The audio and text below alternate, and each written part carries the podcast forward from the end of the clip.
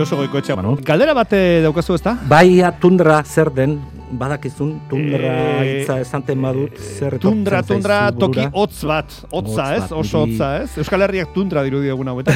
Bai, Pixka bai, bat, eh? bai. Pixka bat, eh? Beti Errusiako iparraldea edo etortzen Eh. zait. Bueno, Euskaltzaindiaren hiztegiaren arabera, da, eskualde artiko eta antartikoetako ordoki zingiratsu eta zuaitzik gabea, Eh. goroldioz eta likenez estalia izaten dena.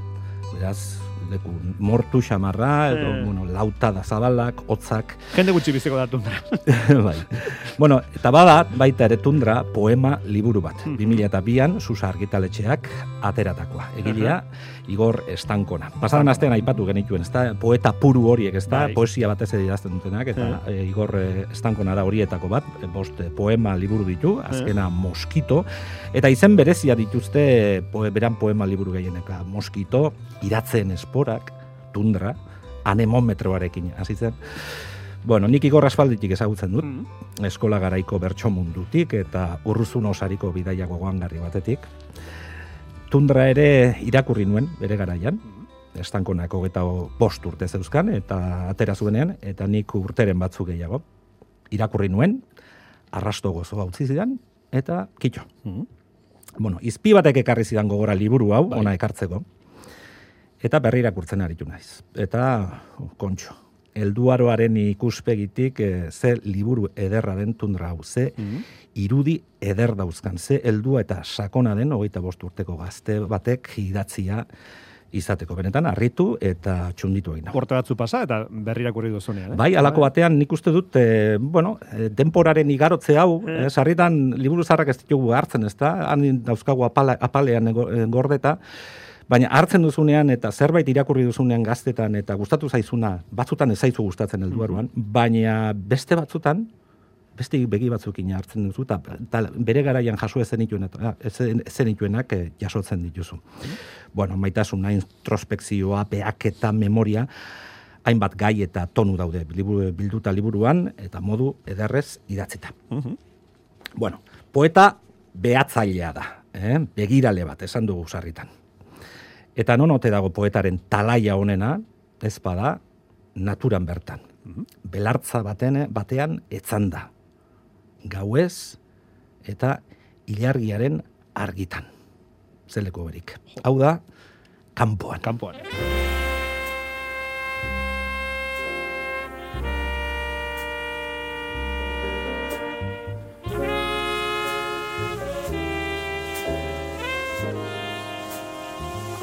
Larrosa baten ostean, pinuen azpian, ibaiak itsasoari ateetaraino laguntzen dion lekutik hurbil etxe bat. Perfume eta botiken botila txikiak pilatu eta fintzen ditu urak. Ez daki besterik egiten, baina bikaina da lan isil horretan. Papatean argia piztu da etxean eta ez dauka ez abisu, ez gonbidapen itxurarik. Silueta bat baino ez. Badakit ez dudala leku oberik aurkituko, ez dagoela leku oberik munduan.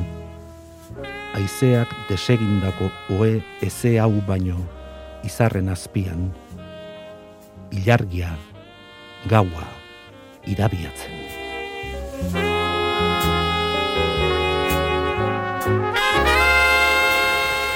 Etzan da izarren azpian, eta uste dut, etzan da jarraituko dugula. ezta? Bai, izarren azpian, ilargitan eta pelarretan. Eh? Eta, bueno, gaur neguan, behar bada ez da eh, momenturik onena, baina Ez. uda sasoia gogoratzen Bai, baditugu, ez leku uda- berik. Hori, udan, e, ilargipean etzan da, bueno, ez dago hori da. Gozamen handiagorik ez dago mundu. Bueno, ba, gainera mirari baten lekuko izan gara. Ah? Eh, Bueno, baina honek trampa dauka, eh? poesia guztiak bezala edo gehienek bezala.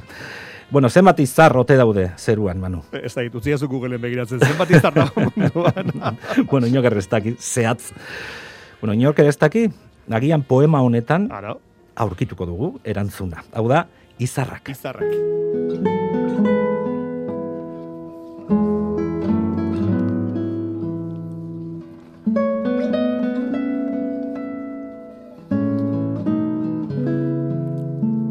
Galdera zail bat egin behar niola esan nion.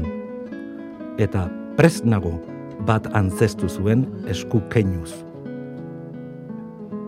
Zenbat izar daude zeruan, galdetu nuen belarretan etzanda.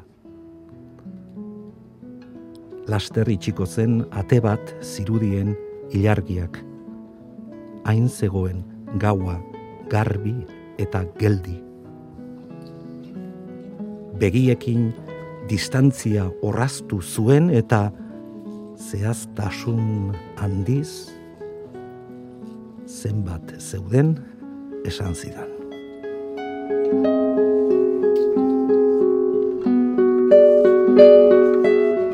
Ez ibili Googleen bila, eh? Galdetu poesiari, ez izar dauden, eh? Eta imaginatu, eta imaginatu. bueno, tundra maitasunari kantatzen dion poema liburua da, maitasun lurtarra da ordea, gazi eta gozoekin. Poemetako batean, eh, estankonak dio, zapaldu ezik perfektua da maitasunaren lurra. Baina zer egiten dugu? Zapaldu, egiten dugu, zapaldu, lur hori. Bai. Ezin dugu zapaldu gabe utzi. Hau da, urrengo poema da, lehen arresiak izenekoa.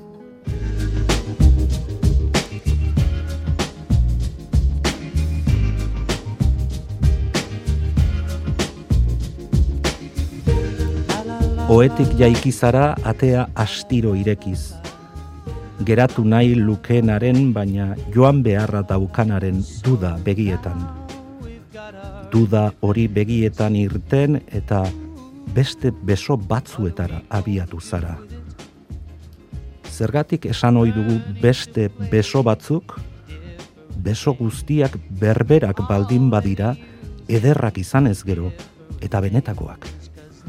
Denak baldin badira gure besoen antzekoak lepora lotuta. Goizaldean itzuli zara, atea astiro itxiz.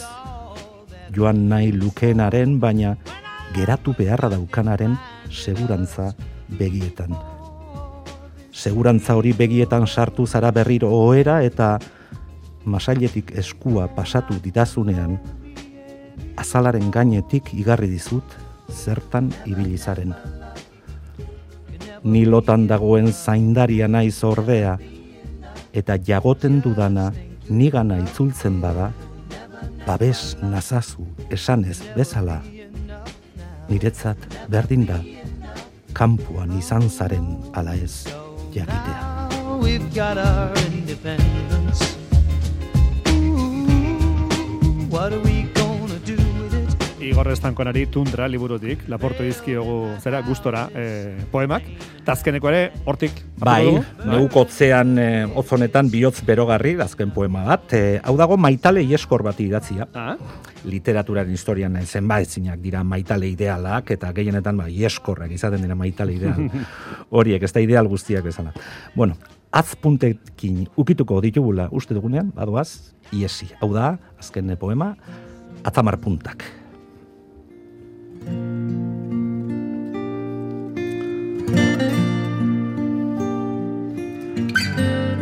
Zuri son nagoenean ez dakit zer nahi dudan zuk egin nauzu, zuriak elurra egin zuen bezala.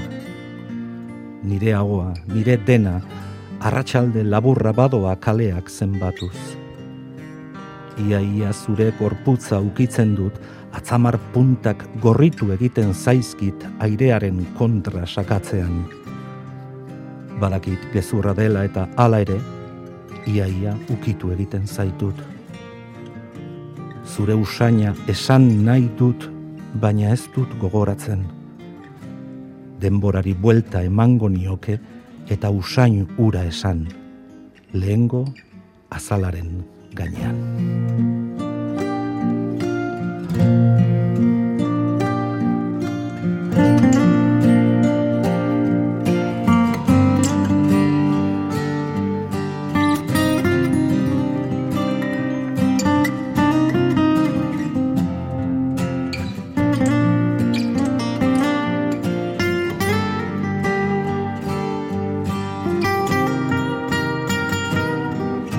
Alonso eta guztia hogeita bost idatzi zuen. Hogeita eh, bost urte. Igor estankonak, eh? A ber, ez diote hogeita bost urteko gazte bat e, burugabea denik, eta baina oraindik bizitza bizitzatik asko bizitzeko falta zaio. Bai. Eta benetan heldutasun ikaragarria eta berriz berriro diot irudi zoragarriak azken poema honetan esan duana zuriak elurra uh -huh. egin zuen bezala egin nauzuzuk.